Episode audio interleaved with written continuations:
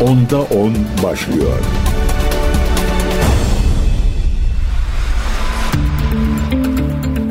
Değerli CGTN Türk takipçileri ben Gökün Göçmen 10'da 10 programına hoş geldiniz. Haftanın son mesai günündeyiz. Cuma günündeyiz. Dünyada neler olup bitti? Dünün özeti yarın olacakların habercisi 10'da 10 başlıyor. Haber başlıklarımızı sıralayalım. Bugün hangi konuları ele alacağız? İsrail'in Filistin'e dönük saldırıları 90. gününe girdi. Katliam bitmek tükenmek bilmiyor. İsrail diğer yandan da akla hayale gelmeyecek kötücül planlar içerisinde e, Filistinlileri vatanlarından sürmeye çalışıyor. Bu fikir uluslararası çapta büyük tepki gördü ama diğer taraftan bunu hayata geçiremezse İsrail bir B planı da hazır. O plan nedir? Onda onda yer alacak. Amerika Birleşik Devletleri Başkanı Joe Biden'a verilen destek giderek azalıyor.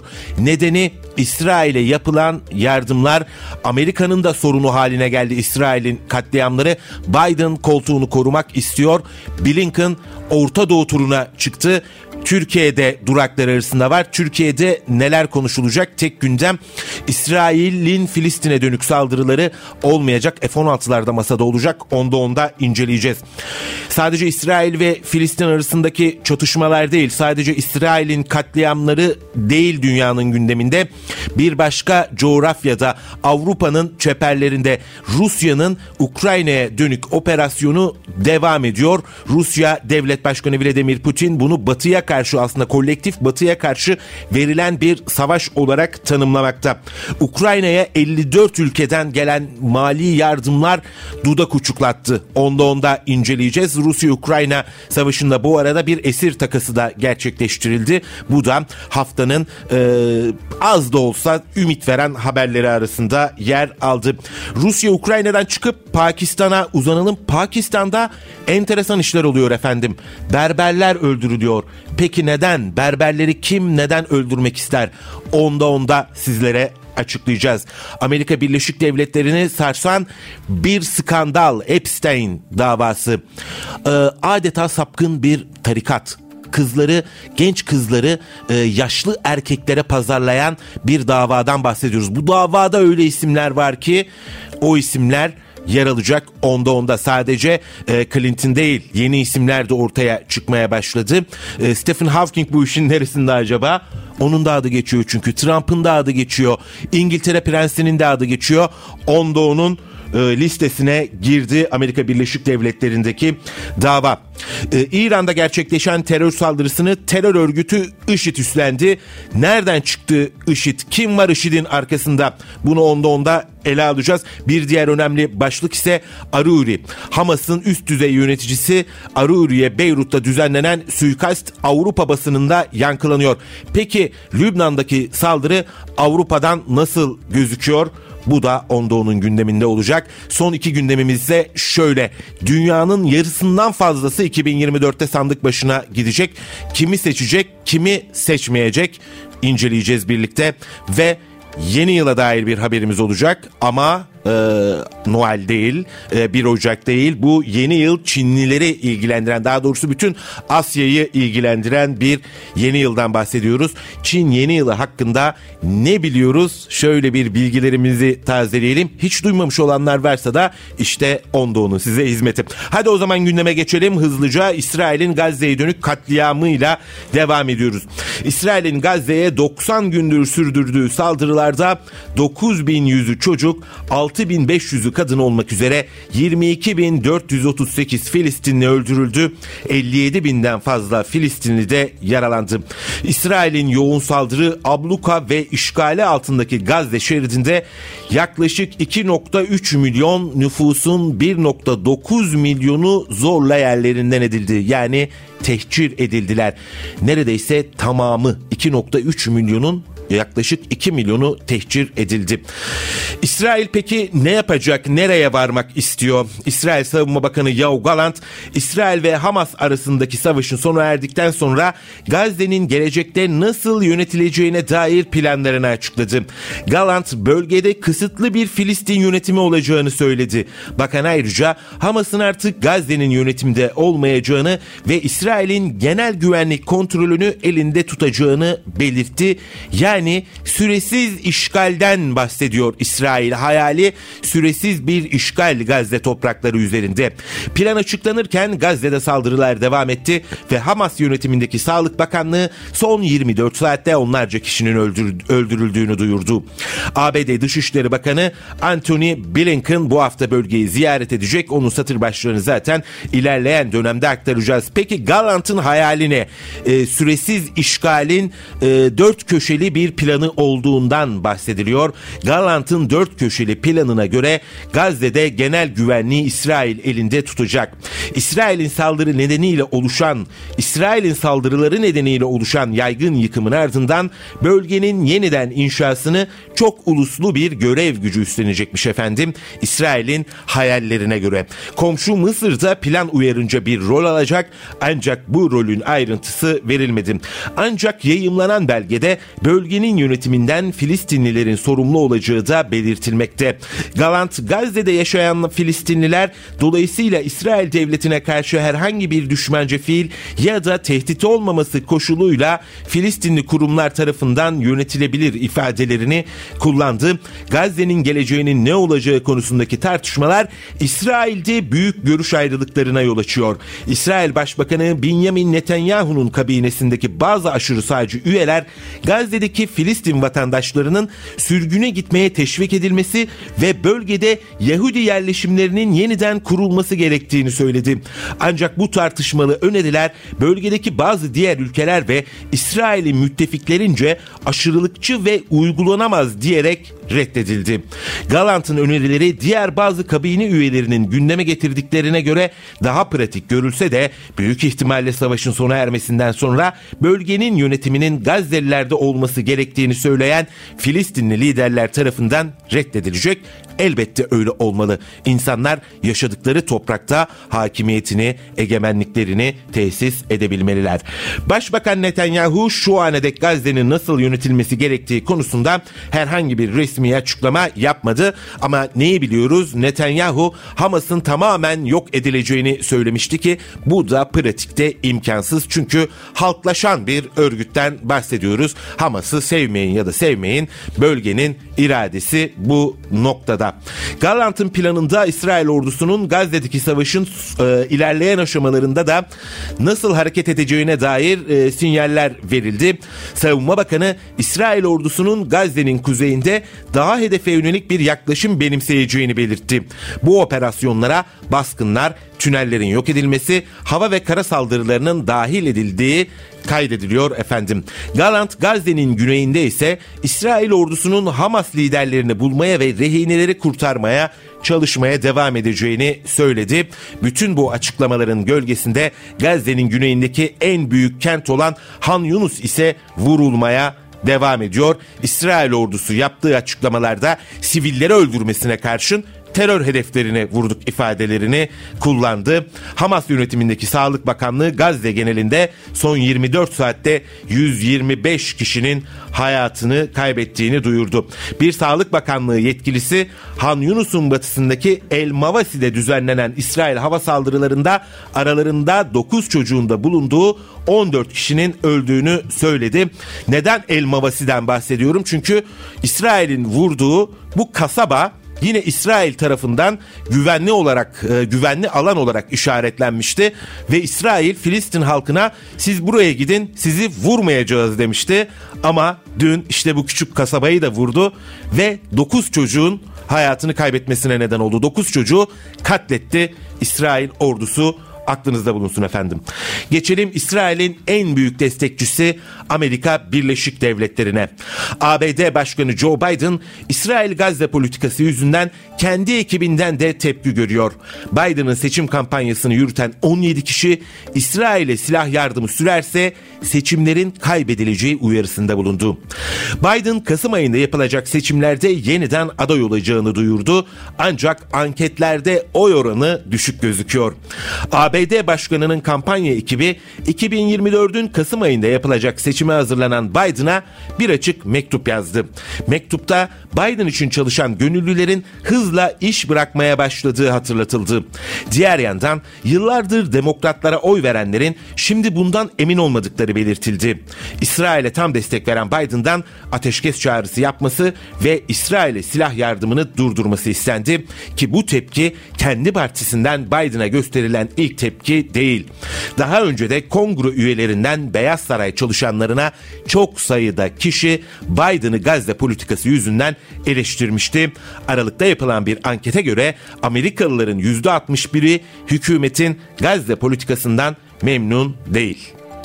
Amerika Birleşik Devletleri Dışişleri Bakanı Joe Biden bir e, tura çıkıyor. E, kritik ülkeleri ziyaret edecek. Türkiye, Yunanistan, Ürdün, Katar, Birleşik Arap Emirlikleri, Suudi Arabistan, İsrail, Batı Şeria ve Mısır Blinken'ın ziyaret edeceği noktalar arasında.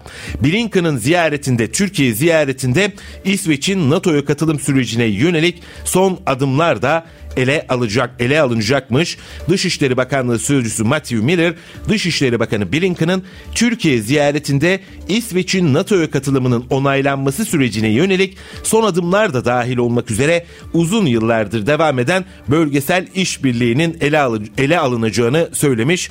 Ama nasıl bir işbirliği bu? Terör örgütlerine verilen destek, Doğu Akdeniz'de Türkiye'ye karşı kurulan kumpaslar her alanda Türkiye'nin karşı cephesinde olup da işbirliği olanaklarını görüşeceğiz demek de gerçekten trajikomik. Dışişleri Bakanlığı Sözcüsü Miller, Blinken'ın Türkiye'nin ardından ziyaret edeceği Yunanistan'da ise Ukrayna'ya destek sağlamaya ve bölgesel deniz güvenliğini korumaya odaklanacaklarını söyledi. Miller bu yolculuktaki her görüşmenin kolay olmasını beklemiyoruz. Açıkçası bölgenin karşı karşıya olduğu zor sorunlar ve önümüzde zor seçimler var diye konuştu. Anthony Blinken'ın bu zorlukların doğrudan üstesinden gelmek için diplomatik çabaları liderlik edeceğine inandığını belirten Miller, Blinken'ın bunu ileriki günlerde de devam ettireceğini söyledi. Blinken haftaya tamamlayacağı temaslarla birlikte 7 Ekim'den bu yana bölgeyi dördüncü kez ziyaret etmiş olacak efendim. Amerika Birleşik Devletleri bölgeyi hem diplomatik anlamda ziyaret ediyor hem de füzeleriyle vuruyor. Neden bunu söylüyorum? Çünkü ABD dün Irak Irak'ı vurdu. Hedefinde de Haçlı Şabi grubunun olduğunu söyledi. Dediler ki bu füzeli saldırı aslında bir meşru savunmadır. Çünkü Haçlı Şabi de bizim üstlerimizi vuruyor ifadelerini kullandı. Ancak Irak Başbakanı Muhammed Şia Es-Sudani ise yaptığı açıklamada ABD saldırılarının herhangi bir nedeni olmadığını söyledi. Onda on kaldığı yerden tüm hızıyla devam ediyor. Leonard Cohen'den dinledik. First to We Take Manhattan dedi. And then Berlin e, diye şarkı devam ediyor. Bu şarkının böyle enteresan da bir hikayesi var modern zamanlara ait. E, Yunanistan bir dönem Avrupa Birliği ile özellikle Almanya ile büyük kriz yaşıyordu. Bu ekonomik krizden dolayı ve e, o ekonomik kriz koşullarında e, Siriza Yunanistan'da Siriza şimdi artık e, dağıldı e, diyebiliriz aslında. Çünkü Siriza'yı Siriza yapan e, aktörlerin birçoğu Siriza'dan ayrıldı. Bu partiden ayrıldı. E, ama ilk e, Çipras liderliğindeki Siriza zaferini ilan ettiğinde e, Berlin yönetimine Almanya'ya mesaj olarak bu şarkıyı çalmışlardı. E, seçim zaferinin ardından bir doğrudan mesajcı çünkü Yunan halkının çoğunluğu yaşadıkları ekonomik krizden dolayı e, Almanya'yı sorumlu tutmaktaydı. E, bu şarkının da böyle e, kısa geçmişi e, aktarılabilir. Hadi geçelim Rusya'ya. Rusya Savunma Bakanlığı Ukrayna'ya 54 ülkenin yardım sağladığını ve bu kapsamda 203 milyar dolardan fazla para harcadığını belirtti. Yani Ukrayna'ya 54 ülke para döküyor efendim. Bakanlığın sosyal medya hesabından yapılan paylaşımda Rusya ile savaş çerçevesinde yabancı ülkelerin Ukrayna'ya silah ve mali desteğine ilişkin bilgi verildi. Ukrayna'ya 54 ülkenin yardım sağladığı kaydedilen açıklamada Kiev için 203 milyar dolardan fazla para harcandığı aktarıldı. Amerika Birleşik Devletleri ve NATO üyesi ülkelerin 500'den fazla uzay aracının uydu gibi diyebiliriz bunlara. Ukrayna Silahlı Kuvvetleri'nin çıkarına çalıştığı belirtilen açıklamada 70'ten fazla askeri ve özel istihbarat kurumunun Amerika Birleşik Devletleri'nden 20 binden fazla Starlink uydu sistemi terminalinin Ukrayna ordusuna yardım ettiği ifade edildi. Rusya Devlet Başkanı Vladimir Putin biz aslında Ukrayna ile değil kolektif Batı ile savaşıyoruz derken bunu işte kastediyordu. 203 milyar dolardan fazla maddi yardım, 70'ten fazla askeri ve özel istihbarat kurumunun yardımı, Amerika Birleşik Devletleri'nden 20 binden fazla Sterling uydu sistemi Ukrayna'ya veriliyor. Bununla da yetinmiyor batılı ülkeler. Ukrayna'ya 1600'den fazla topçu ve roket sistemi ile 200'den fazla hava savunma sistemi gönderdiği belirtilen açıklamada bu ülkelerin 5220'den fazla tank ve zırhlı aracını 23 binden fazla insansız hava aracını Kiev'e sevk ettiği kaydedildi. İnanılmaz büyük rakamlar 23 binden fazla İHA verilmiş, SİHA verilmiş. 5220'den fazla tank, hava savunma sistemleri Ukrayna'ya aktarılıyor. Ukrayna'ya sadece e, maddi yardım ve silah yardımı değil aynı zamanda insan da gönderiyor batılı e, ülkeler. 13.500'den fazla yabancı paralı savaşçının geldiği belirtilmekte. Bunların 8.500'ü Avrupa'dan, 1700'ü Asya'dan, 5900'ü Kuzey ve Güney Amerika ülkelerinden gelirken geri kalanları da dünyanın muhtelif yerlerinden Ukrayna'ya geldiler Rusya'ya karşı savaşmak için. Peki bunlara bu savaşçılara paralarını kim veriyor?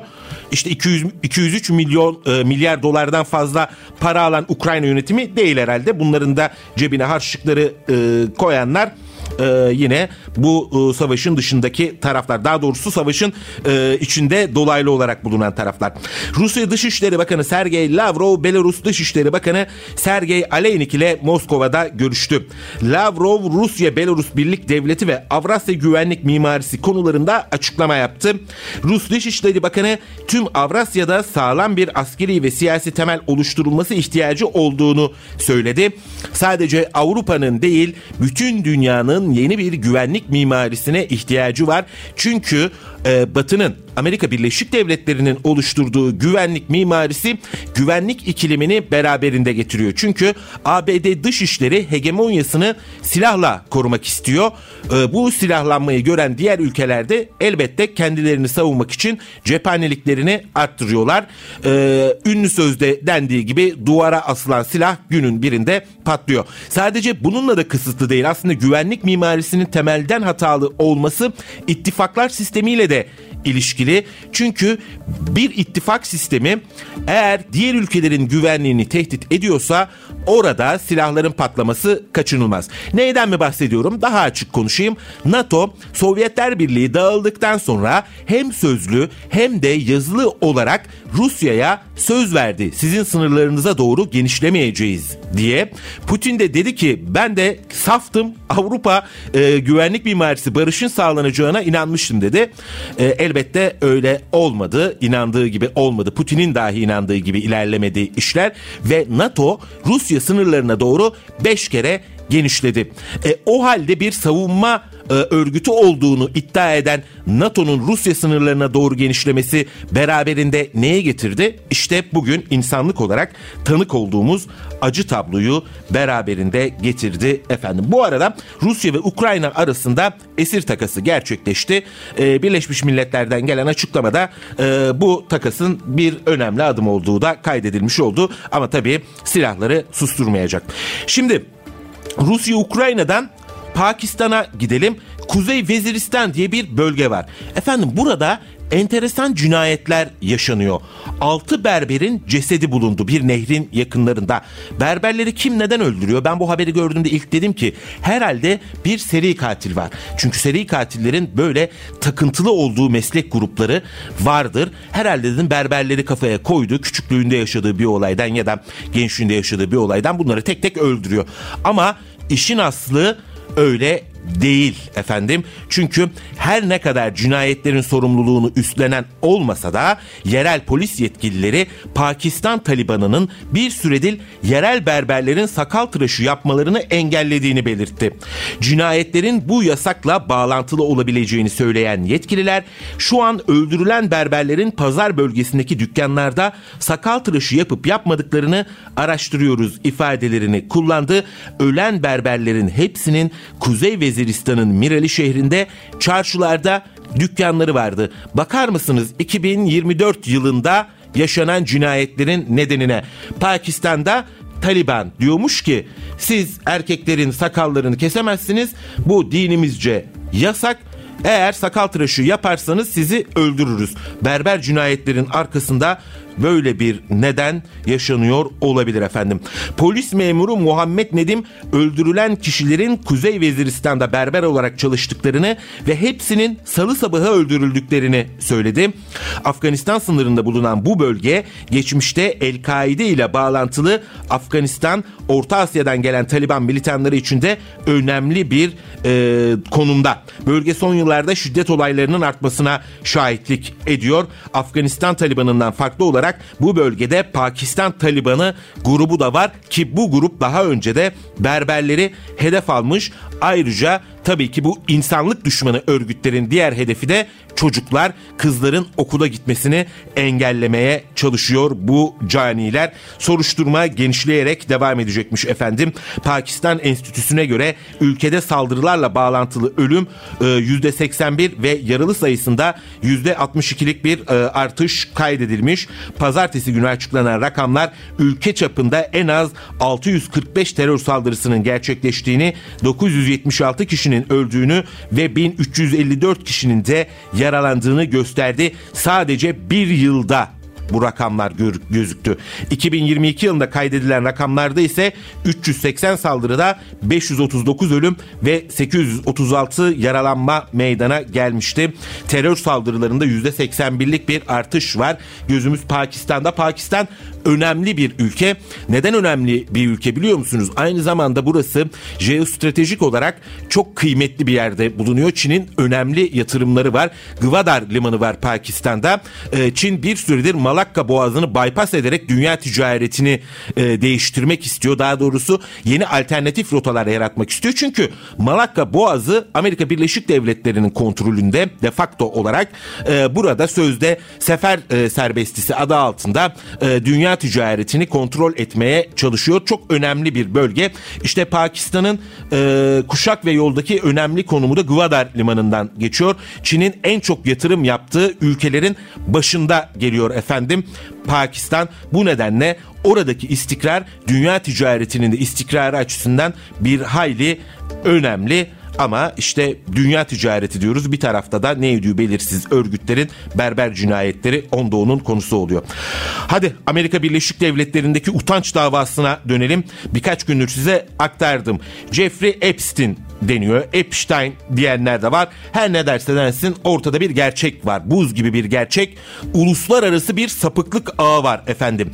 Yeni açıklanan ve yaklaşık 300 sayfadan oluşan dosyalarda ünlü isimlere e, reşit olmayan kızların pazarlandığı iddiası var efendim. Bu dosyalarda kimlerin kimlerin adı geçiyor. Bir adada gerçekleşiyormuş bu utanç e, hadisesi. E, İngiltere Kralı 3. Charles'ın kardeşi Prens Andrew. Birçok ünlü isim var. E, eski ABD Başkanı Bill Clinton görevde olduğu dönemde tam 73 kez adaya gitmiş. Dosyalarda başka kimlerin isimleri var efendim? Trump'ın da ismi var. Ancak Trump'a dair herhangi bir suçlama bulunmuyor. Trump niye adaya gitti? O da bilinmiyor ama Trump'a doğru doğrudan bir suçlama yok. İlginç bir isim var. Tekerlekli sandalyedeki bir fizikçi vardı efendim. Stephen Hawking. Stephen Hawking 2006 yılında Epstein'in adasına gitmiş. Epstein, Epstein'in reşit olmayan kızların bulunduğu bir partiye Hawking'in de katıldığı iddiaları soruşturulmakta. Hatta bunun gizlenmesi için de özel bir mail trafiği yaşanmış.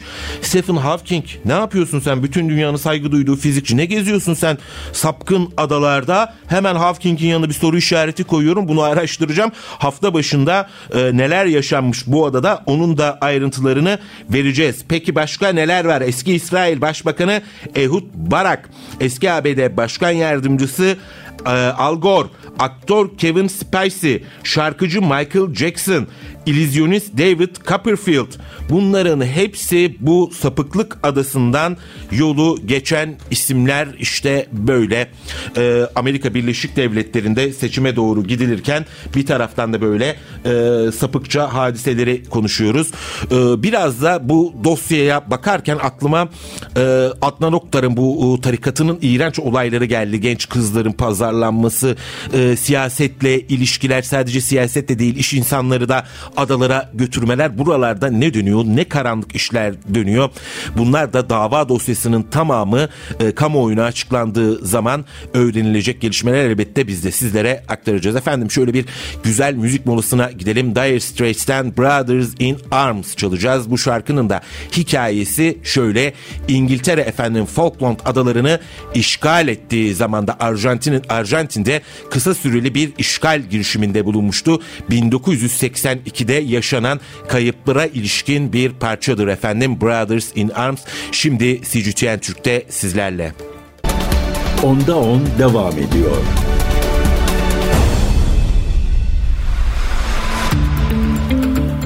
Değerli CGTN Türk takipçileri ben Gökün Göçmen. Onda 10 son düzlüğe girdi. Hızla devam ediyor. Haftanın en önemli iki olayı nedir diye soracak olursanız 1. İran'da yaşanan terör saldırısı İran tarihinin en büyük terör saldırısıydı. Yüzden fazla kişi hayatını kaybetti. İran'ın Kudüs Gücü Kuvvet Komutanı Kasım Süleymani'nin ABD tarafından öldürülmesinin yıl dönümünde gerçekleşmişti bu saldırı.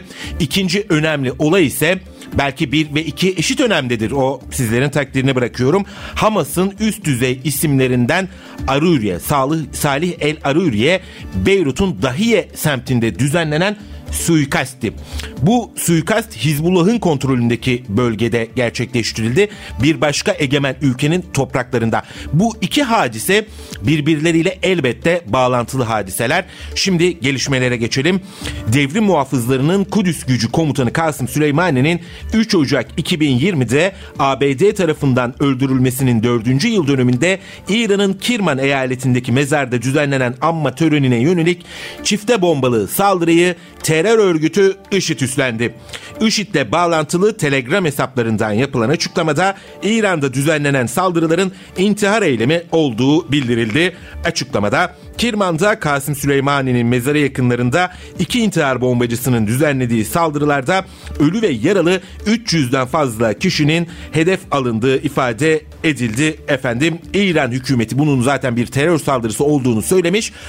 Doğrudan İsrail'i işaret etmişti. Siyonist rejim diyerek İsrail'e mesaj göndermişti. Ağır bir bedel ödeyeceklerini de İran'ın siyasi ve dini lideri Ali Hamenei dünyaya ilan etmişti. Washington yönetimi ise yine her zaman olduğu gibi İsrail'in avukatlığına soyunmuş ve bu işin arkasında İsrail'in olduğunu düşünmek için herhangi geçerli bir neden yok demişti. Ama İsrail'in arkasında kesinlikle olduğu suikast zaten belli. O da Aruri. Muhtemelen İran'daki e, suikaste İsrail'de insan e, yöneticilerin e, sevindiğini de biliyoruz. Geçelim Aruri suikastine. İsrail suikasti sonucu hayatını kaybeden e, Hamas yöneticisi. Avrupa'dan nasıl gözüküyor durum? Şöyle biraz Avrupa turuna çıkalım ve devam edelim. Şimdi La Repubblica gazetesine gidelim. La Repubblica İtalya'nın ünlü gazetelerinden. Aruri diyor ki ipleri elinde tutan isimdi. İran'la Lübnan Hizbullah'ıyla Hamas'ın egemen olmak istedi Batı Şeria'yla. El Aruri yeni Hamas demekti ve fiilen Haniye'nin temsilcisi dolayısıyla Politbüro'daki iki numaralı isimdi. Bunlar doğru efendim. İran'ın Hizbullah ve e, diğer e, örgütlerle olan ilişkisi El Aruri üzerinden devam etmekteydi. 2011'de Suriye'ye yönelik emperyalist saldırılar başladığı zaman Hamas ve Suriye hükümetinin de arası bozulmuştu. Hamas yönetimi e, o dönem e, Batı ile eşgüdümlü olarak hareket etmişti ve e, Suriye Cumhurbaşkanı Beşar Esad'ı hedef almıştı. Siyasi açıklamalar elbette silahlı değil. Bunun neticesinde de Şam'da bulunan Hamas büroları kapatılmıştı. El Aruri o zaman Şam'daydı. Şam'dan bürolar kapatılınca Türkiye'ye geldi ve ardından Lübnan'a geçti. 2017 yılında Aruri çok önemli bir normalleşmeye imza attı. Kimle birlikte? İran Dışişleri Bakanı ile birlikte, Hizbullah lideri Hasan Nasrallah ile birlikte. Çünkü Suriye'de İran birlikte hareket ediyor Suriye hükümetiyle. Hizbullah zaten doğrudan sahada savaşan aktörler arasında Suriye hükümetiyle birlikte. Dolayısıyla bu 2017 yılındaki buluşma bir nevi barış görüşmesiydi. Barış masası kurulmuş, ilişkiler normalleşmeye başlamıştı. Bu da İsrail için elbette en korkulu senaryolardan bir tanesi. Filistinli direniş örgütleri, Hizbullah, e, Hamas işte ve Suriye hükümetinin birlikte hareket etmesini elbette istemeyecekti İsrail. E, bu nedenle de La Repubblica gazetesi diyor ki Politbüro'daki ikinci isim, ipleri elinde tutan isimdi. Almanya'nın e, medyasından Allgemeine Zeitung diyor ki açık bir savaş felaket olur ifadeleri ifadelerini kullanıyor. İsrail şunu katiyen istemiyor. Lübnan'a savaş açmak hatta ülkenin bir bölümünü ele geçirmek. Umalım ki İsrail güvenlik birimleri Beyrut'taki saldırıdan sonra Hizbullah'ın büyük baskı altında kalmayacağını ve komple savaşa girmemek için bir arka kapı bulunacağını görmüş olsun.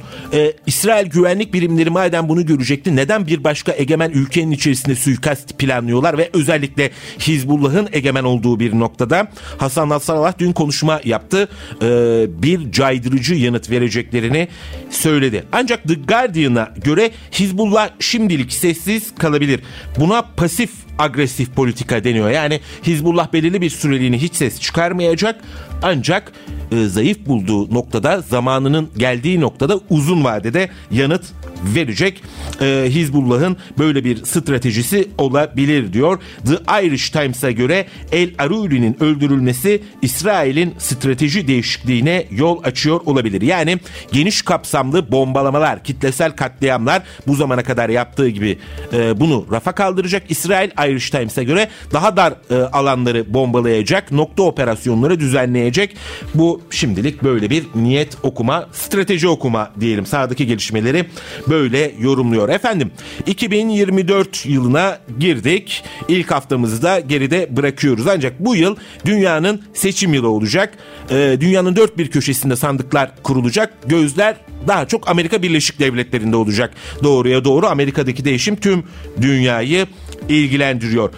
Şöyle bir tür atalım yine komşuya gidelim. Katamirini gazetesi diyor ki uzak ve yakın coğrafyada endişeliyiz ifadelerini kullanıyor. Bugün kimse küresel yönetişim sisteminin istikrarı bakımından taşıdığı tüm anlamlarla birlikte Trump'ın Beyaz Saray'a dönme ihtimalini görmezden gelmeye cesaret edemiyor. E niye görmezden gelecekler ki? Trump şu anda Biden'a fark atmış durumda efendim. Sandıklar kurulursa Trump engellenmezse ki engellenmeye çalışıyor işte seçime girmemesi için yasaklar getiriliyor. Trump da onları mahkemeye taşıyor. Ee, içeride de Amerika Birleşik Devletleri'nde içeride de bir bilek güreşi yaşanıyor. Ama Trump seçimlere katılabilirse tahminim o ki e, Biden'ı geride bırakacak. Katemirini gazetesi de demiş ki endişeliyiz dünyanın gidişatı bakımından. Trump Avrupa'yı yüzüstü bırakabilir başlıkları yine öne çıkıyor. Irish Examiner, Examiner gazetesine görese 2024 yılında tüm dünyada sandıklara gençler damga vuracak. Türkiye'de de çok abartılmıştı işte Z kuşağı gidecek bir ders verecek iktidara falan diye. Ee, ne oldu o sonuçlar? Anketler nasıl e, bizi yanılttı. Hepsi ortada. E, yapay zekaya karşı tetikte bulunmalı demiş bir başka İrlanda gazetesi Irish Times. O da 2024'te yapay zekaya dikkat çekiyor ki bu yapay zeka şu anda hayatımızı birçok açıdan kolaylaştırıyor efendim. İşte ChatGPT çıktı. E, bütün dünya bambaşka bir yere gidiyor. Birçok meslek grubu ölüyor. E, gazeteciler açısından bakın yaratıcı olmayan gazetecilik devri sona erdi. Eğer sen yorumunu katmazsan, eğer sen arka planı daha değişik bir bağlamda okuyucuya aktarmazsan onu zaten ChatGPT yapabiliyor. Ne oldu bugün diyelim? Ee, Pakistan'da işte berberler öldürüldü. Zaten oraya dönük somut bilgileri e, ChatGPT size verebilir. Ama gazetecinin artık görevi nedir? Pakistan neden önemli? Bunu aktarmaktır. İşte e, yapay zeka birçok meslek grubunu eliyor dedik. Bunlardan bir tanesi de kod yazılımcıları. Eskiden ortaokullarda, eskiden dedim şimdi şurasında belki 5-10 yıl önce liselerde kod dersi geliyor. Gazetelerin manşetindeydi. Bütün öğrenciler kod yazmayı öğrenecek. Şimdi yapay zeka çıktı hiç gerek yok. Basıyorsunuz ChatGPT'ye. ChatGPT bana bilgisayar oyunu kodu yaz. Hemen size çıkartıyor. E, bununla birlikte yine televizyonlarda da birçok e, grafikler, e, diyelim görüntüler yapay zeka tarafından hazırlanmakta. Ama işin biri de savaş boyutu var. Hayatını kaybeden eski ABD Dışişleri Bakanı ve Ulusal Güvenlik Danışmanı Henry Kissinger. Adam 100 yaşında Çin'e ve Amerika'ya şu uyarıda bulunuyordu. Bu yapay zekayı e, nükleer silahlara, kitlesel kıyım silahlarına bulaştırırsanız baş edemezsiniz. E, yapay zeka askeri sistemlerden bir an önce dışlanmalı diye ki Çin ve ABD arasındaki görüşmelerde bu son San Francisco zirvesinde Xi Biden görüşmesinde yapay zeka ve askeri teknolojiler konusu da gündeme gelmişti efendim. E, bunları da sizlere hatırlatmış olalım ve şöyle bitirirken Çin yeni yılı hakkında ne biliyoruz? 10 Şubat'ta olacak onu biliyoruz. Ay takviminde yeni yıl kutlanacak. Kutlamalar 15 gün sürecek ve Çin Fener Festivali ile sona erecek efendim. Çin geleneğinde her yıl Çin burçlarında yer alan 12 farklı hayvandan biriyle temsil edilmekte. 2024'te tavşan yılından ejderha yılına geçeceğiz. Benim çok keyif aldığım konular bunlar. Yani dünyada o kadar farklı kültürler var ki e, bunları tanımak, anlamak insanı gerçekten zenginleştiriyor ve biz zannediyoruz ki ya bütün dünya hamburger yiyor. Yok öyle bir şey. Türkiye'de e, lahmacun yiyoruz, pide yiyoruz. E, Çin'de e, işte farklı yemekler yeniyor. E, Çin'de yeni yıl farklı kutlanıyor. Bizim farklı bayramlarımız, geleneklerimiz var. Bunların hepsini bilmek önemli ama Çin'e biraz daha fazla ilgi duymalıyız. Sadece CGTN Türkiye yayın yaptığım için bunu söylemiyorum. Dünyanın geleceğine yön veren bir ülke olacağı için bunu söylüyorum. İşte şimdi bizim dışişleri de diyor ya Asya yüzyılına girdik. Yeniden Asya açılımı yapacağız. E tabi sadece diplomasiyle, siyasetle böyle soğuk diplomatik cümlelerle bu iş olmaz.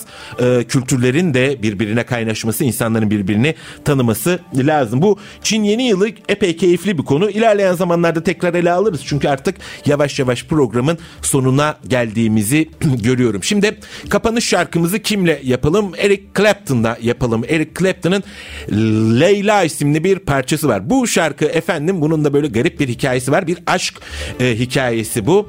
E, bu aşk hikayesinin ardında ise Eric Clapton'ın eşine e, arkadaşının eşine duyduğu aşk yer alıyormuş efendim. E tabi bunu söyleyememiş bağrına taş basmış Eric Clapton efendi ama yıllar sonra da işte bu şarkıyla karşımıza çıkmış.